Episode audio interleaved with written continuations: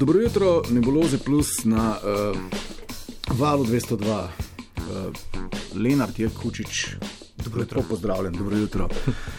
Če kaj bi se naštela tvoje funkcije, pač si, si tehnofrik, ki uh, povezuješ družbene pojave s tehnologijami, novinar. Uh, ja, recimo, da nekako že 25 let nekje poskušam znajti v tem preseku med mediji, tehnologijo in družbo. Družbo ja. um, uh, Vam, kako bi to debato začela? Govorila bo v, dru, v, v družbenih omrežjih, ampak jaz bi rad vseeno naredil en tako vod skozi eno tako totalno klimo nezaupanja. Recimo, če greva samo v lokalno okolje, ne ste, a so lačni že leto dni, ker jim vlada pač ne da keša. -huh. Eh, mediji so vsi po vrsti iz vseh strani obtoževani, da so vsega skupaj krivi, vključno z družbenimi, vključno Tako, z mainstream mediji, pa seveda s temi v navednicah polariziranimi z leve, z desne in oziroma z vseh mhm. teh provenienčnih kotov. Uh, centri moči nas ne marajo, kadar je resnica neprijetna, uh, ljudje nas obtožujejo ne vem, participacije v COVID zaroti tisočletja v zadnjem času. Uh, aktivizma. Aktivizma, nihče nikomor več ne zaupa, še sami sebi smo nehali zaupati, potem pa še Facebook dol pade in in potem se še ena. In potem Ljubljana prek oblasi. Facebooka postane dolina Sovs. Ne, ne, ne, ne, ne pomemben. Um, kaj se dogaja z informacijo in nje interpretacijo in odnosom družbe do informacije na svetu in doma v tem trenutku? To je tako ful široko vprašanje, ampak vem, da te to zanima. Ja, se to je ta najne debata na Twitterju, ker sem najprej vprašal, ali imamo cel dan časa ali, ali, ali malo manj. Sem pa tudi priznal, da. Uh, malo trembe danes in ne veš, kaj se mi je zgodilo, če s tem začnem. No. Veš, kam si šel najprej? Na televizijo. Nisi. Ja, veš, pri tem. Zavil si levo, namesto da bi zavil desno. Evo, s tem bi že lahko kdo kaj spet interpretiral. Ampak ja, pri, pri tem, koliko sem bil in tukaj in tam, pa točno vem, kam sem bil namenjen. Ja. Ok, sprosti se. Gremo govoriti o Facebooku. Ne, recimo Facebook konkretno, zato ker je pred tednom padel dol, po petek še enkrat v času arabske pomladi smo ga vsi pozdigovali kot eno orodje, ki daje glas. Ja, pa še prej. Ne močnim še prej. Kot, ampak recimo takrat smo ga tudi mi, ki nismo tak, taki tehnofriki, začeli vohati na ta način sredstvo za zamovčano resnico, za emancipacijo. Potem se je vse uh -huh. skupaj obrnilo, ne skozi Brexit, Cambridge Analytica in podobne afere. Smo rekli, ošitne, to je pa uh, nevarno orodje v rokah tistih, ki imajo moč in, in denar in interes. Nekje smo danes po letu in pol. Nismo se tako zmenili. Ja, kje A... smo danes po letu in pol tega fast forward COVID drila, ki je marsikaj odstrl. Ja, meni je bilo zmeraj zanimivo prav to, na kakšen način. Ena platforma za to, da si ostal s sošolci v stikih in da si si pol izmenjeval take skrajno osebne in preproste informacije, kot na kakšen način je to kar naenkrat rado en pojav, ki mu pripisujemo vse, od demokratičnih revolucij na eni strani pa do spodbujanja genocida in zasvojenosti med mladoletnimi na drugi strani. Mislim, kako se je to zgodilo? Isto Jezik. vprašanje je recimo, ne vem, lahko se reče za Airbnb, viš, na kakšen način se je ta krasna ideja, kako lahko jaz svoje stanovanje, ko me en teden ni oddam enemu kul cool francozu, ki slučajno to glih rabi v Ljubljani, na kakšen način pa to rata en pojav, ki osiromaši sosedske, dviga cene nepremičnin, uniči najemniški trg. Mislim, to je bilo meni zmerno fascinantno. No, na kakšen način, če tebe vprašam, recimo Facebook iz neke platforme za spoznavanje bivših in pozabljenih sošolcev, ljubezni in tako naprej, eh, postala neka platforma, ki je v tem času tudi aktualna žvižgaška afera obtožuje, da je. Uh, Ključna platforma za recimo anticepivstvo, pa mislim, da je bilo še zelo konkretno omenjeno, da je, da je ključen generator polarizacije v svetu. To so tudi obtožbe pa tudi samomorilosti med mladimi, zaradi ja, tega, ker ja, se ja. gledajo na Instagramu in si niso všeč. Mislim, najbolj tak preprost, ampak ne, ne izključen odgovor je denar. Uh mhm. -huh. Ta velik spremeni, ampak ne samo denar kot tak, zaradi tega, ker ga v vsakem primeru rabiš, če hočeš to graditi, širiti in vzdrževati, ampak um, rast, rast za vsako ceno. To je še bolj pomembno od samih prihodkov v tej rast internet in tehnologiji. Seveda biznisa, zdaj vrhuška Facebooka. Ne, ne nujno, najprej rast uporabnikov. Okay, in rast uporabnikov, pa rast biznisa sta verjetno neločljivo povezana ali ne, ali ne. V prvi fazi še ne, zaradi tega, ker večina teh internetnih platform uh mhm, -huh, je uh mhm. -huh. zelo dolg časa tokla hude zgube, ampak z obljubo, da ko pa enkrat postanejo tako veliki, da se brez njih ne bo več dal živeti, takrat se bo pa to zares monetiziralo. In tukaj je bila ta ideja rasti za vsako ceno bolj pomembna dejansko od zaslužka, vse od začetka. Okay, Pa se sem, to postane pomembno. če sem jaz prav razumel, recimo. eh, Facebook ni želel ponastaviti svojih algoritmov, če se izrazim v takem preprostem jeziku, ki ga še sam na pol razumem, zaradi dobičkov, ki jih takšna ponastavitev, v kakršni ga imamo zdaj, uh, ponuja. A lahko, Tudi. a lahko ti meni poljubno uh, pojasniš, ne, kakšna je korelacija med temi algoritmi, kaj je narobe z njimi in zakaj ravno takšni generirajo dobiček in zakaj so ravno takšni domnevno nevarni. Tukaj zelo priporočam, če imate malo več časa, da poslušate celotno zaslišanje Frances Haugen pred ameriškim mm -hmm. senatom, ki to res dobro razloži in je insiderka in to res tudi obvlada, oziroma je bila zraven, ker se je to dogajalo, ampak v osnovi je ona uspela to kar precej poenostaviti. V smislu, algoritmi niso neki nerazumljivega, ampak so samo en tak dosti preprost orodje, ki počne, pa če rečem, um, ki poskuša ugotoviti, kaj uporabnik hoče. In če to damo v tako resnično življenje, recimo, da ti priješ vem, v študenta ali po novo sosedsko, ti razmeroma hitro ugotoviš, koga se splača poznati, zato da boš vedel, um, kje dobiš parkiriše, kje uh, so žuri ali pa karkoli ta. Skratka, mi to že v vsakem primeru imamo to družabno mrežo in si vzpostavimo ene ljudi, ki jim bolj zaupamo, naredimo si en, saj, en svoj družaben mehurček, ki mu želimo pripadati. Uh -huh. uh, ki nam daje ene potrebe, ki nam vem, pomaga, da se bolj počutimo po vse, in uh, algoritmi pač vejo, da, ali pa ne vem, tisti, ki to snujejo, vejo, da ljudje to rabimo in nam to poskušajo dati. In ti algoritmi pravzaprav. Kar poskušajo početi na podlagi naših obnašanj in na podlagi naših preteklih izbir, pa to, komu sledimo, kaj lajkamo, -huh. kaj delimo, poskušajo ugotoviti, kaj nas zanima in nam poldati več te vsebine. Zdaj, samo po sebi to zveni razmeroma nedolžno. To je tega, spirala, ne v resnici. Ja, se to je to. Ker na prvi ravni se zdi to bolj enostavno. A pa isto, ker bi rekel, um, glede na to, da je to vezano na oglase, zakaj bi ti kot nekdo, ki je recimo, ne vem, pa midva, ki so moška srednjih let, rečemo, uh -huh. zakaj bi midva hotla na Facebooku gledati oglase za stvari, ki jo absolutno ne zanimajo. Ali smo napačnega spola, ali smo napačne starosti, ali živimo v napačnih krajih. Ok, razumem, mi dva moramo gledati oglase za plešavost, pa bolj čvrsto erekcijo. Pa recimo pa, fitness, ja, pa tako. Pa fitness, pa podobne stvari. Ja, in naj pa ne zanimajo, recimo, ne vem, banalno, vem, vložki ali pa določene, kaj s tem, kozmetične zadeve ali kar koli. In v osnovi je ideja, da imamo rajš tiste reklame, ki nam pašejo. Ja. No, in če ti razširiš to idejo reklam tudi na vse ostale vsebine, načeloma je mehanizem popolnoma isti, kar pomeni, ta algoritem ti poskuša dati več tistega, kar naj bi ti bilo všeč. Zaradi tega, da te bo zadržal dalj časa gor, okay, pa da ne boš ignoriral. In te algoritmi so v resnici vedno bolj pametni in znajo vedno bolj konstruirati te mehurje in neumja, ki bodo ustrezali, bom rekel, mojim specifičnim potrebam. Ampak zdaj me pa zanima, če z enega tazga sociološkega vidika, ne, a je to v človekovi naravi, da se pravzaprav nagiba k, resnici, ki mu je bližje. Ne? Kaj je to objektivno resnico? Ne? Recimo, če želim verjeti, da so vsega krivi reptili dan danes na svetu, bom, bom na Facebooku našel svoj krok, ki se mi ne bo zdel majhen. Ne? In torej ta resnica toliko verjetnejša. Če želim verjeti, da je kriv Janša, noben problem. Če želim verjeti, da je zemlja jajčasta, pa da COVID ne obstaja, noben problem. Če želim verjeti, ja, da me je ugrabila pedofilska kabala mhm. tronogih kengurujev, bom tudi to najdel. Um, ja, seveda, zaradi tega, ker um, ja, mislim, danes ni prepričanja, za katerega ne bi našel kakšnega somišljenika na internetu, recimo, to je sigurno pomemben.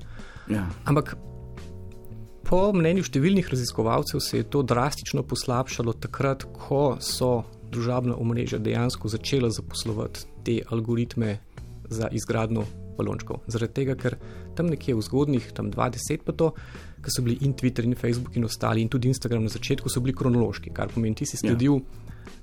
svojim, recimo, prijateljem in si videl na svoji časovnici vse objave kronološko, kar pomeni, če si ti mene sledil in si nekaj objavil, eno fotko na Instagramu, si jo ti videl. Uh Mhm. -huh. Takrat, ko si jo objavil in ki si recimo skrolo dol. Zdaj, od tam nekje 2014-2015, sta se pa dve stvari zelo pomembne zgodili. Eno je, da so uvedli povsod, tako ali pa drugače, lajke, kar pomeni, so na te naše objave inštalirali ene števce. Ja. Tukaj ti lahko dam samo to primerjavo iz športa, ki vem, da je to blizu. Recimo, kako se ti obnašaš kot kolesar, preden si si namestil stravo, pa potem, ko si jo namestil. Pač velika verjetnost je, da bo začel tekmovati s števcem, da bo ja. začel delati več kilometrov, da bo začel uh -huh. tekmovati s aplikacijo v krajšem času do nek prid. Isto je na družabnih omrežjih. Ko enkrat ti inštaliraš števc na objave, začneš spodbujati obnašanje, ki števc pone. Ja. Druga stvar, ki so jo pa tudi takrat nekje uvedli, so pa to, da so začeli personalizirane oglase kazati. Kar pomeni, da naenkrat ti ne bi več nujno videl moje fotke, ko jo objavim, ampak ti več sploh ne bi točno vedel, kaj od tvojih prijateljev prije na to časovnico. In če pa eno in drugo narediš, kar pomeni, da ti postaviš sistem, ki spodbuja lovljenje lajkov uh mhm. -huh. in hkrati uvedeš algoritem, ki te, namesto da bi te odpiral različnim mnenjem, kar je bilo zgodni internet, kar pomeni, sto prijateljev lahko karkoli misli in karkoli posta, pa si ti videl vse.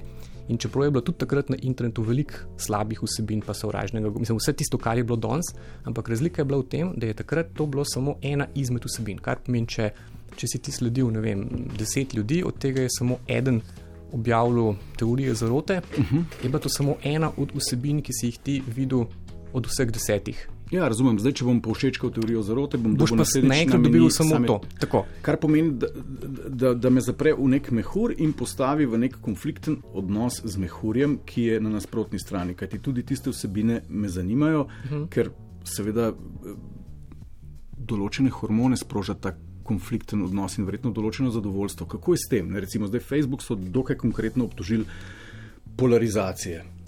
Če ja. gledamo zdaj svet v času COVID-a, uh, bi bil brez Facebooka odnos do realnosti v tem svetu drugačen, ali bi bolj zaupali v, bom rekel, ostarele družbene hierarhije, v akademsko sfero, v univerzitetno sfero. Ali...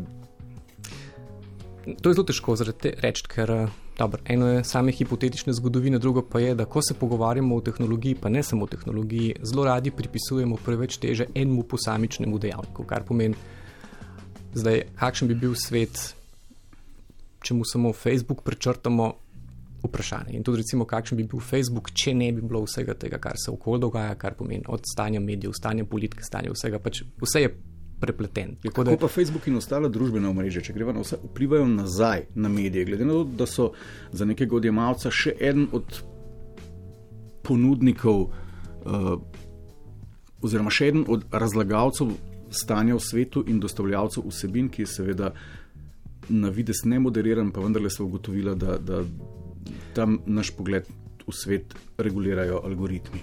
Ma, če gremo nekaj nazaj, ki jih praviš medije, ja. to je zato je važen zaradi tega, ker v resnici je v vsej tej zgodovini medijev se je dejansko izoblikoval en sam zres velik poslovni model, ki je omogočil rast medijske industrije. In to je ta ideja, da ti občinstvo, oziroma da pritegneš pozornost občinstva in pol to občinstvo preprodajaš oglaševalcem. To je v medijski panogi praktično edini poslovni model, ki je omogočil, da je industrija ratela velika.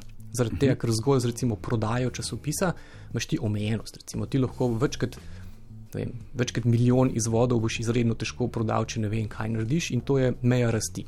Ko pa enkrat spustiš noter oglaševalce, si pa ti ukinu gravitacijo, zaradi tega, ker absolutno ni nobene resne omejitve, koliko ti lahko to pozornost zračunaš komu. In takrat je pol pač panoga postala industrija. In internet v resnici je ta poslovni model vzel od medijske panoge, zaradi tega, ker tudi na internetu resno nimaš nobenega večjega poslovnega modela.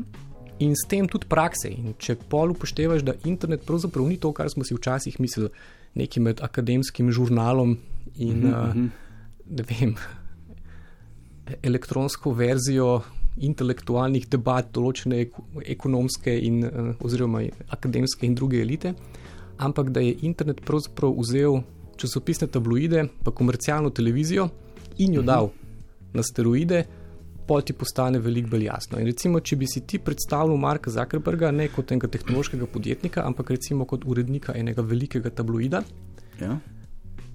bi tudi vedel, da se ne moreš upirati temu, da določene vsebine, določeni naslovi, škandali, konflikti že od samega začetka tabloidnega tiska in seveda tudi tako imenovani fake news, ki je obstajal že tam nekje v 19. stoletju, ja. da je to nekaj, kar dviga samo takrat ne klike, ampak naklado.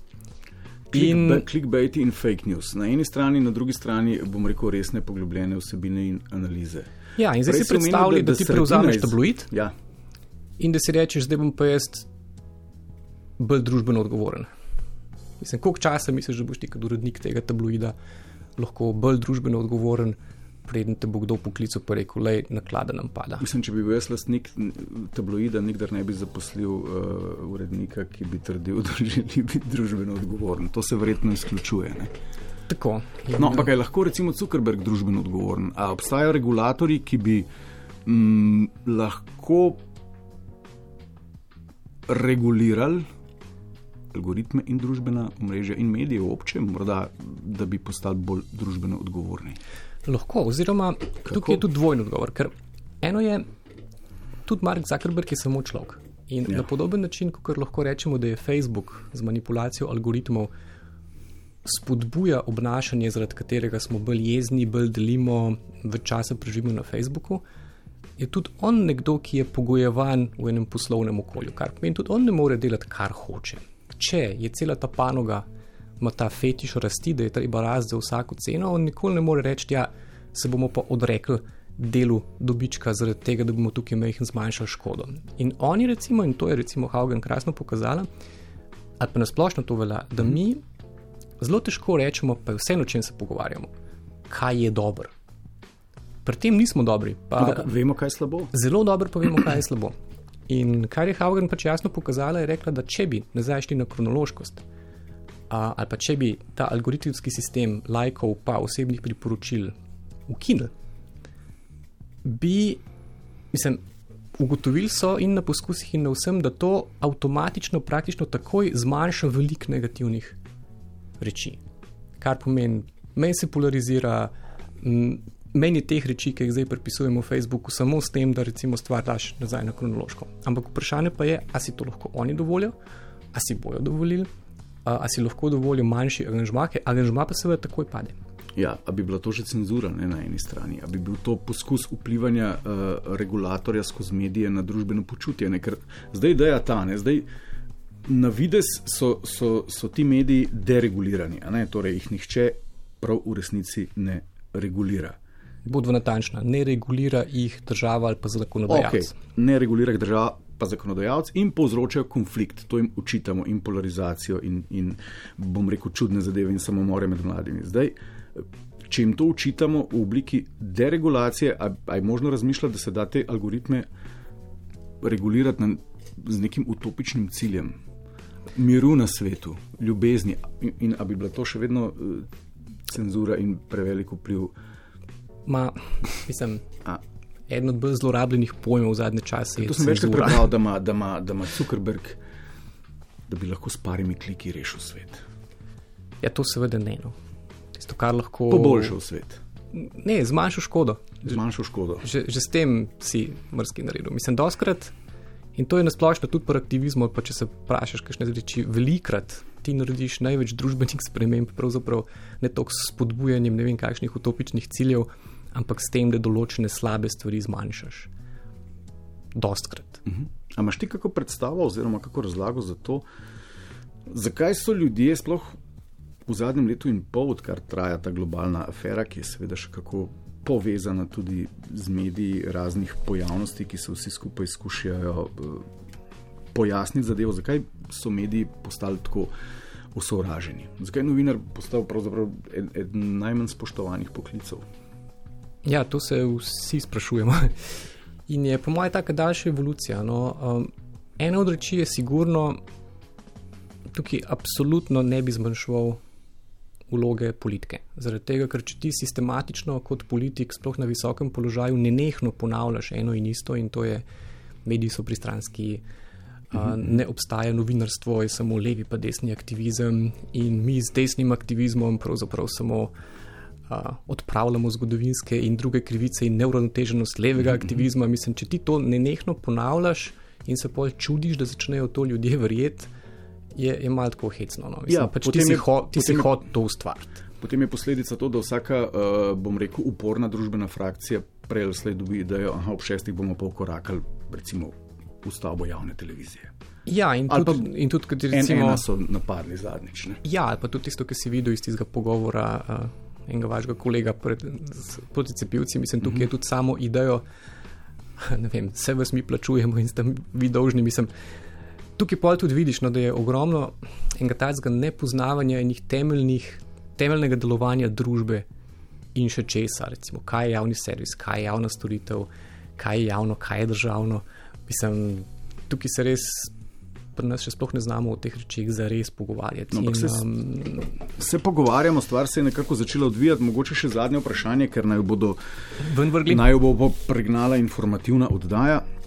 A imaš ti kak, oziroma najprej, a, a misliš, da bi bilo potrebno prihodne generacije v šoli poučevati, kako in na kak način pametno in s čim manj škode zase dostopati do informacij? In imaš ti mogoče kak namig za poslušalke in poslušalce, recimo skozi kakšne protokole, pa ti prihajaš do razlag pojavov v svetu?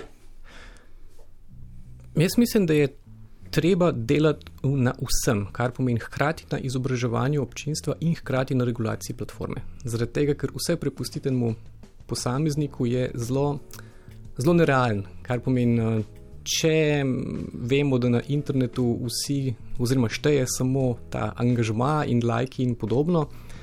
Potem to avtomatično tudi pomeni, da če ti greš kontra temu, te to lahko kaznuje. Kar pomeni, ja, mi dva smo lahko zelo tako na dejstvih, pa uravnotežena, pa vse, ampak pač naj ne objave ne bojo nikamor prišle. Ni samo vse na individualni odgovornosti, čeprav je seveda tudi to pomembno. Treba je tudi pri Facebooku ugotoviti, kaj so tisti najbolj škodljivi deli, in tukaj bo verjetno morala pač regulacija na nek način se uplesti, in to se bo verjetno zgodilo. Mm, druga stvar, ki pa je pa tudi. Hm, A lahko uporabniki sami vplivamo na to? Mislim, seveda lahko uporabniki tudi sami vplivamo na to, ampak um, spet pa tukaj vemo, tako kot pri vseh drugih rečeh, da nismo vsi na istem. Uh, odvisno je od stopne izobrazbe, odvisno je od tega, evo, tudi če smo že na tem, koliko ti kot starš veš, kaj se dogaja in koliko znaš to naprej prenesti. Uh, Kako to otroci slišijo v šolah. Mislim, vse to so dejavniki, ki so tukaj pomembni, ampak jaz mislim, da prej ali pa kasneje se bomo začeli o teh stvarih pogovarjati na podobni način kot vem, o zdravi prehrani, kar pomeni v sladkorju, sadnih pijačah. Evo, zdaj pa res še zadnje vprašanje. Kaj bi se zgodilo, če bi tako kot zadnjič Facebook po petek spet vsa družbena omrežja za pol leta padla dol? E, to smo se vsi sprašvali. Tukaj je pa sicer seveda ugibam, ampak po moje bi se en balonček tudi razpočil. Da čeprav si mislimo, da so te stvari postale tako pomembne in nepogrešljive, bi se zgodilo to, da bi, po moje, že po enem tednu prijetno počeli druge stvari. Zaradi tega, ker res pa je, da te reči, razen za določene poklice ali pa določene stvari, niso nepogrešljive. Bi se znali. Upam, ali pa se upam, da ne bova nikoli izvedela, se pa veselim, da kdaj bova. Uh, Lenart, dobro dela še naprej. Hvala. Enako, mislim, se, uh, to ne vem, če to sem te hotel vprašati. Slučajno veš, a že obstajajo kakšni diplome, doktorati in podobno iz tega, kar ti delaš. Zaradi tega, ker se mi zdi, da če bi bil um, v Sloveniji, nimaš dostopa do podatkov, ki jih, imaš, ki, jih, ima Facebook, ampak se mi zdi, da o stanju družbe, če bi naredil analizo vseh tojih nebuloz, pa toplovodov in podobnega, bi pa tudi ustvaril eno tako vele podatkovno sliko o družbi. Ja, hvala, tole je kar kompliment. Ne. Težko ga bom nesel domov. Lenart, hvala, drž se. Enako.